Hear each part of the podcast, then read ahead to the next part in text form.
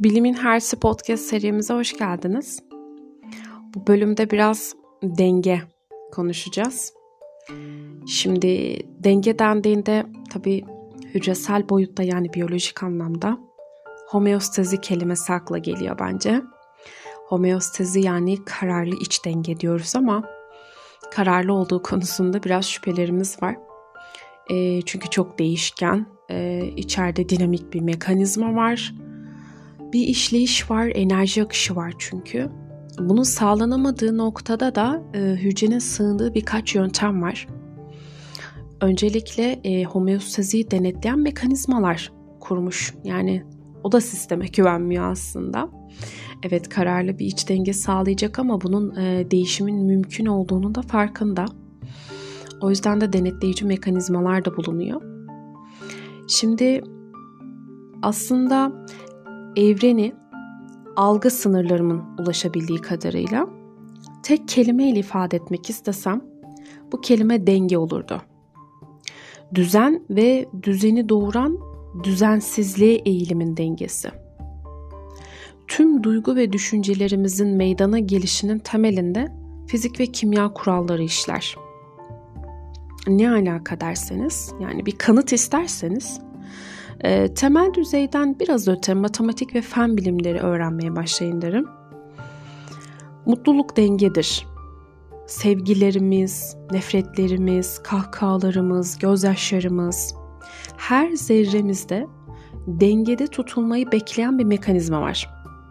Ama ilginç ki bu denge mekanizmasını denetleyen müdahale bir sistem de var. Hayat gibi. Yani sistem aslında e, henüz kendini e, inşa ederken zaten bozulabilme ihtimaline karşılık da bir denetim mekanizması kuruyor. Hücre ve evren. Bu iki yapının taklit sistemler olduğuna tüm beynimle inanıyorum. Benim için ikisi de aynı şey. E, evrende her şey entropiye tutkuyla bağlıdır. Yani entropi, düzensizliği, eğilim e, bu tutkuya hücre bile boyun eğer. Her şey düzensizliğe eğilim yönündedir. Ve düzensizlik sonucu genelde farklı bir boyutta varoluş başlar. Sonlar başlangıçları doğurur yani. Tıpkı gezegenimizin, evrenimizin varoluşu gibi. Ya da hücrelerimizin yok oluşu ve yerini yeni hücrelerin alışı gibi. Aslında yeni hücrelerin oluşması bir önceki hücrenin sonudur. Denge korunmak üzere geliştirilmiş mekanizmaları olan bir tür direniştir. Israrcı, net ve kesin. Maddelerin entropiye olan tutkuları ise değişimlerin e, emir tanrısıdır. Canlılık budur zaten. Yani kimya ve fizik kurallarını taklit eder canlı. Ha baktı ters düşüyor. Ters düştüğü noktada da bir çözüm kanalı yaratıp en sonunda Tutkuya yine yenilir, yani düzensizliğe eğilim. Bir varoluş ve başka varoluşlara evrilme hikayesi. Denge yalnızca düzeni değil, düzensizliği de alıyor bünyesine. E, iyi olanı değil, kötüyü de. Beyazı değil, siyahı da. Mutluluk kadar acının içinde kıvranmak da var. Sevgi ve nefret, yaşam ve ölüm. Var olmak, yok olmak. denge, dengesizliği ve bazen şaşmayı, yanılmayı da alır içerisine. Denge dediğimizde her ne kadar e, net bir çizgi gelse de aklımızda aslında dengede olamamak çok daha net bir tanımdır. Çok daha net bir çizgidir.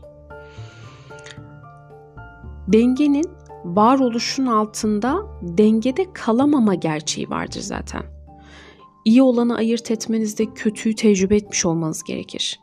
Ya da siyahı görmeden bu beyaz diyemezsiniz. Ya da nefreti yaşamadan sevgi tam olarak zihninizde oturmaz. Etrafınızdaki her şey buna hizmet eder işte. Bu yüzden farklılıklara, varyasyonlara teşekkür etmeli, saygı duymalıyız. Dengede kalmak için önce dengemizin şaşması gerekir.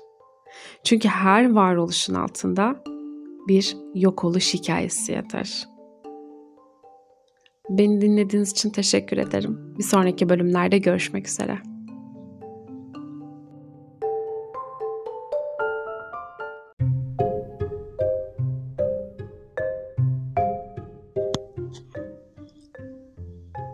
Bilimin Hartsi Podcast serimize hoş geldiniz. Bu bölümde bilgi zehirlenmesi, beyin obezitesini konuşacağız.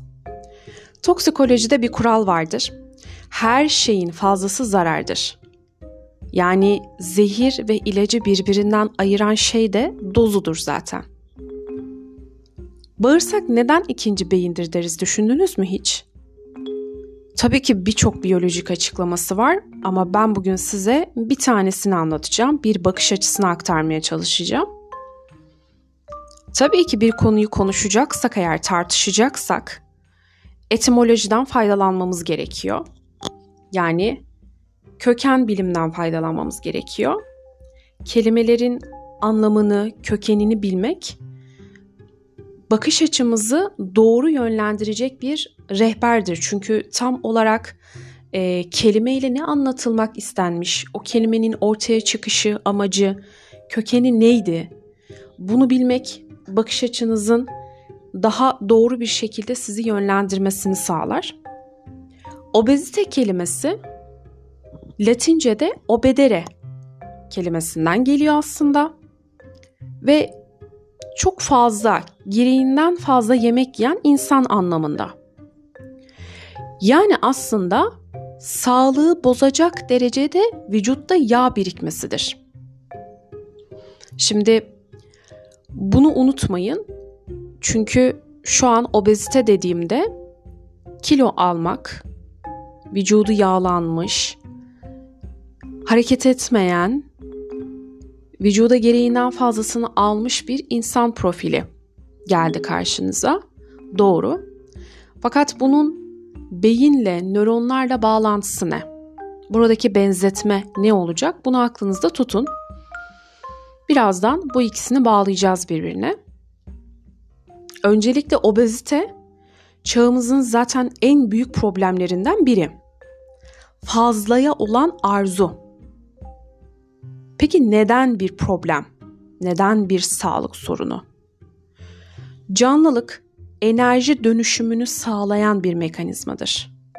Yani biz bir enerji dönüştürebildiğimiz sürece var oluyoruz.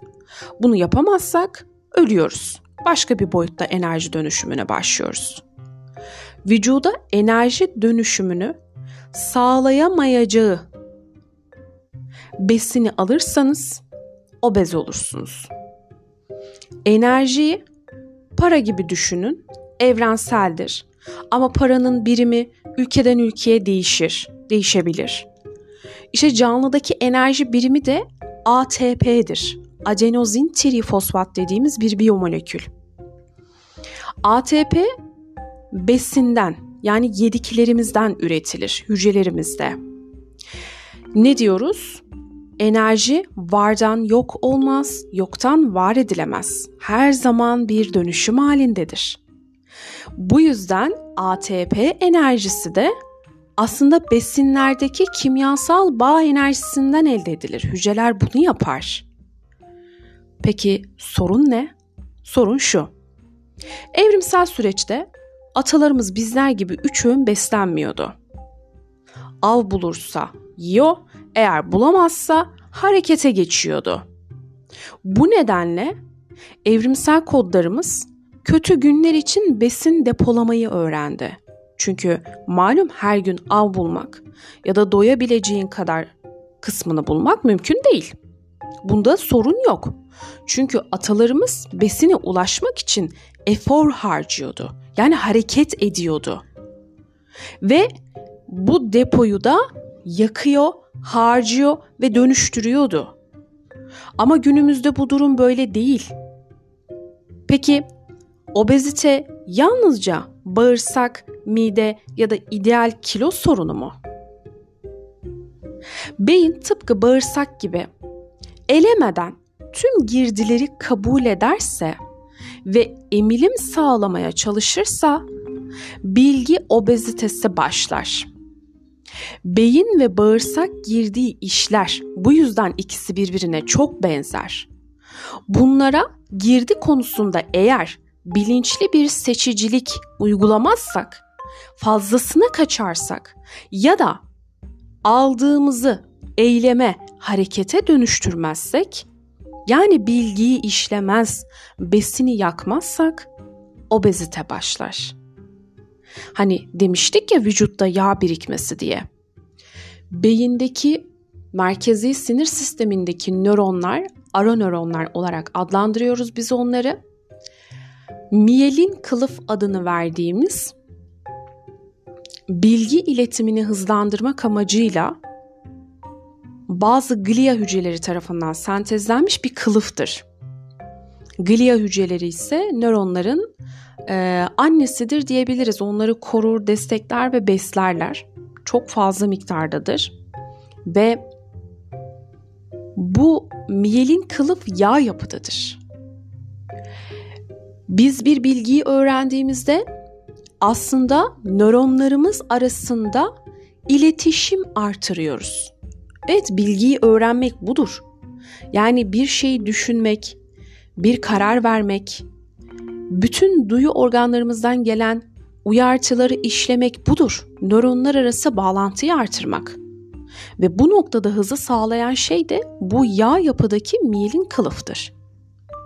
Fazlasıyla düşünmek, fazlasıyla bilgi almak aslında vücutta yağ biriktirmek gibi bir durum. Peki bilmek ve bilgelik arasındaki fark nedir?